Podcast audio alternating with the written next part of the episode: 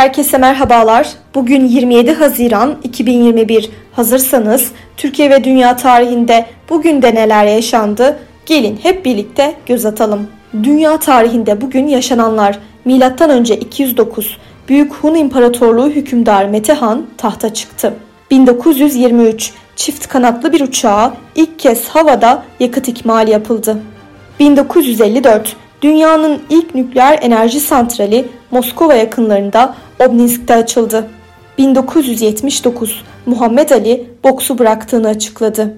Türkiye tarihinde bugün yaşananlar 1565 Sokullu Mehmet Paşa Veziri Azam oldu. Veziri Azamlığı 3 padişah döneminde sürdü. Bu padişahlar Kanuni Sultan Süleyman, 2. Selim ve 3. Murat'tır.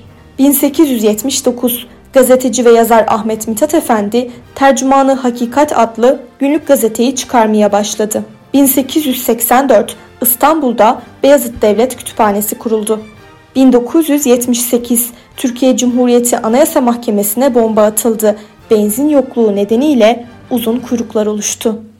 Bugün doğanlar 1921 Türk roman ve öykü yazarı Yusuf Atılgan dünyaya geldi.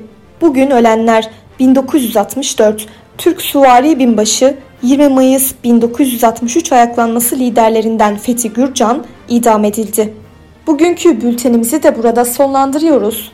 Programımızda tarihte gerçekleşen önemli olayları ele aldık.